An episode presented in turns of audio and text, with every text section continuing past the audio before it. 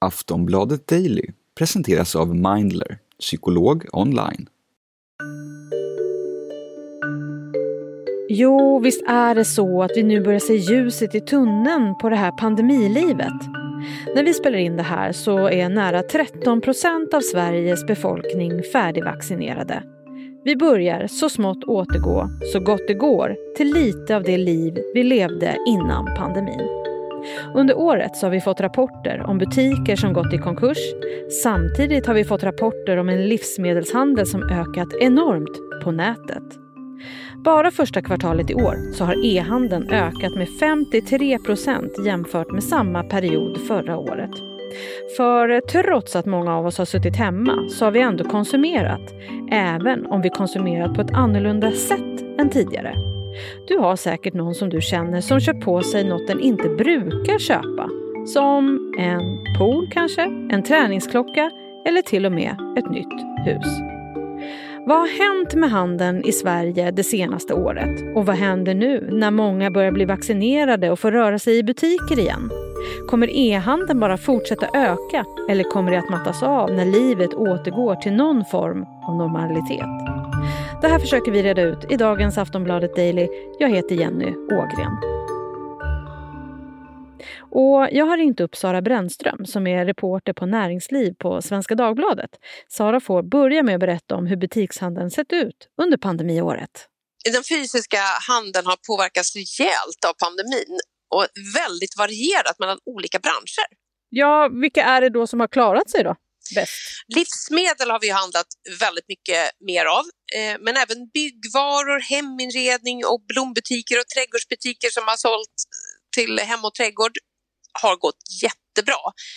Sen kan man väl säga generellt att bolag som har lyckats att ställa om till e-handel och har en väl fungerande digitaliseringsprocess har klarat sig mycket bättre. Det finns ju en rad butiker som har både fysisk handel och e-handel. Mm. Finns det några som man ser som faktiskt har fått lägga ner på grund av pandemin? Ja, en av de senaste att försvinna är ju Makeup Store som köptes upp av eh, skönhets-e-handlaren Lyko. Och då har ju många butiker försvunnit eh, i den kedjan. Och det har också hänt en hel del om man backar till tiden före pandemin. Alla butikskedjor har ju behövt banta eller se över sitt butiksnät. Alltså kedjor som Indiska, Åhléns, H&M, Kappahl. De behöver eh, ta bort lite butiker och det har de också gjort. Så det är totalt sett färre butiker. Och det har väl också påverkat en del när det gäller antal anställda i butiksledet, eh, just fysisk butik. De har blivit färre. Men ser man på något sätt att det är inom en speciell bransch? Är det liksom mycket med mode och klä, smink och skor och sådana saker som, som tappar? Ja, eh, värst drabbad är nog just mode och skor. Eh, vi har haft helt andra behov. Man kan ju bara tänka på hur man själv klär sig på morgonen när man går till sitt hemmakontor. Det är ändå en väldigt stor andel människor som har jobbat hemma väldigt mycket under den här pandemin och då har behovet av kontorskostymen eh, varit lite mindre. Man har kanske inte heller köpt de där fräna skorna och det har inte varit så mycket fester. Då har festklänningar och examenskläder och sånt fått eh, stryka på foten. Så vad tror du nu när fler och fler börjar bli vaccinerade, framförallt i de grupper som inte har fått vara ute i butiker och handla, vad tror du kommer hända? Alltså fler människor rör sig nog redan ute i handeln och mätningar som eh, branschorganisationen Svensk Handel har gjort eh, visar också att eh, handlarna är mer optimistiska än tidigare.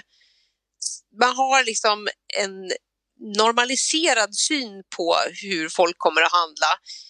Så indikatorn för framtiden har gått upp. Samtidigt så har man väl en inte så stark tro på att lönsamheten ska vara så, så normaliserad än. Men eh, vad, kommer butikerna få ett lyft nu då? Säkert, men det är också svårt att säga hur mycket. För att när vi normaliserar oss och fortsätter att röra sig mer i stadsmiljön så kommer ju restauranger och kaféer som har haft väldigt, väldigt tufft få fler kunder. Och när vi omdisponerar vår plånbok så kommer kanske inte lika många shoppingkronor eh, eller vi kommer inte spendera lika mycket pengar på shopping som vi har gjort eftersom vi har tagit bort alla tjänster. Det finns ju väldigt många som kanske inte heller har varit hos frisören så eh, ofta under det här året som i normala fall. Så det är en hel del andra saker som pengar kan gå till. Och jag tänker så här, eh, vi, nu, Sara, både du och jag befinner oss ju i Stockholm och har en jättestort eh, city liksom, där det finns mycket att handla. Men om man tittar på mindre orters stadskärnor, vad tror du, hur kommer de se ut framöver? Hur kommer det gå för butikerna? Ja, det är ju en väldigt knepig fråga. För många gånger i ett mindre centrum så finns det ju några aktörer som har varit dragplåster. Det kanske traditionellt sett har funnits en stor Åhléns och några butiker. Försvinner en av dem där så det blir ett stort hålrum, ja, då är det inte alltid så lätt för fastighetsägare att snabbt få dit någon ny aktör. Men hur de ser ut på framtiden är ju väldigt, väldigt svårt att säga om för att det handlar ju också om Eh, hyresnivåer och vilka fastighetsbolag som finns där. Vad är de villiga att gå med på? Eh, kan kommunen själv gå in? Kan någonting bli något kulturellt centrum, några lokaler så det är ändå ett cent alltså en lokalt centrum känns levande.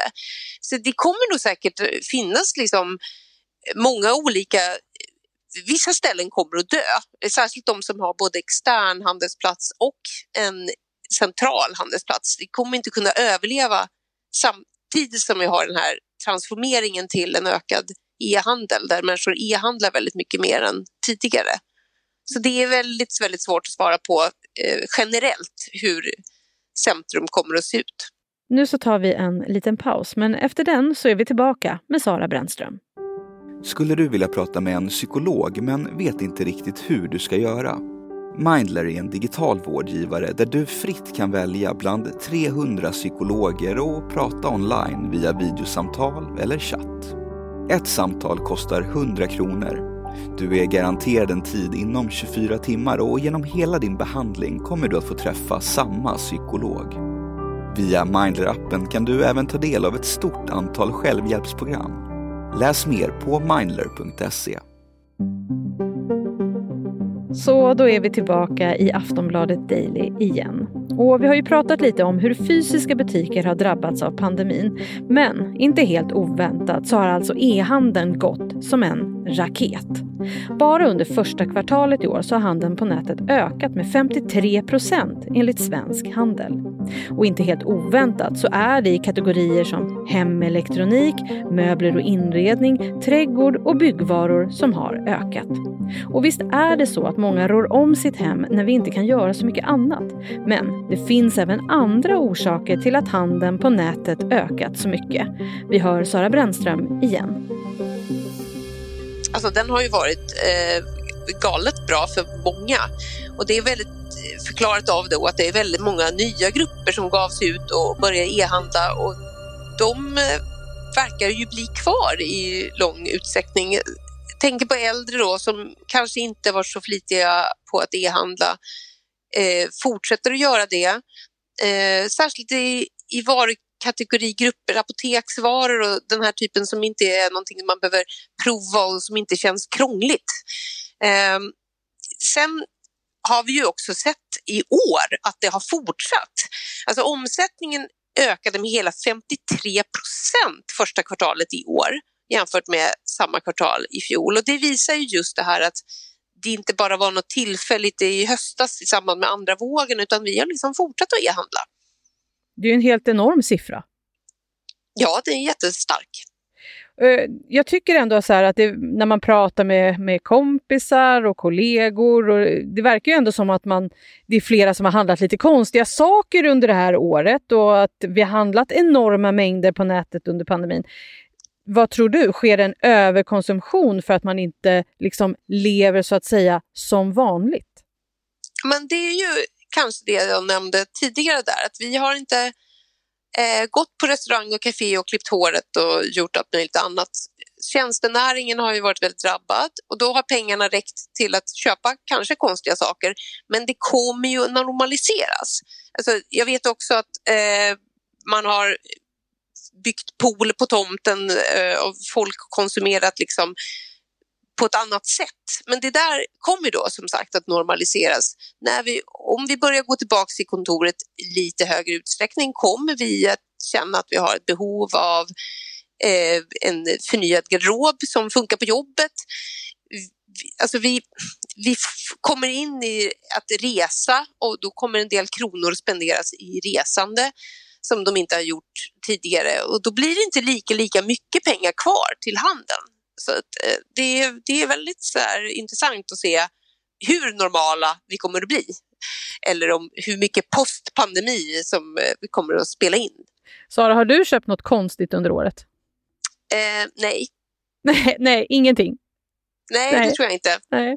Men Sara, vad tror du om handeln framöver? Eh, alltså, den kommer ju fortsätta att utvecklas och förändras. Eh, digitaliseringen kommer ju att fortsätta, absolut. Eh, och hitta nya vägar. Men det finns ju såklart en grupp människor som är väldigt sugna på att gå runt och liksom återuppleva det man var van att ha förut. Att liksom provsitta soffor och gå i butiker. Det tror jag absolut finns. Tack Sara. Tack.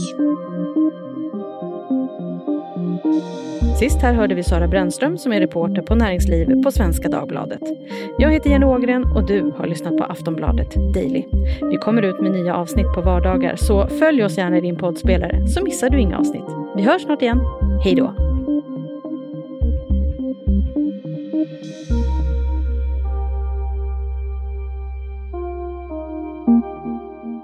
Du har lyssnat på en podcast från Aftonbladet. Ansvarig utgivare är Lena K Samuelsson.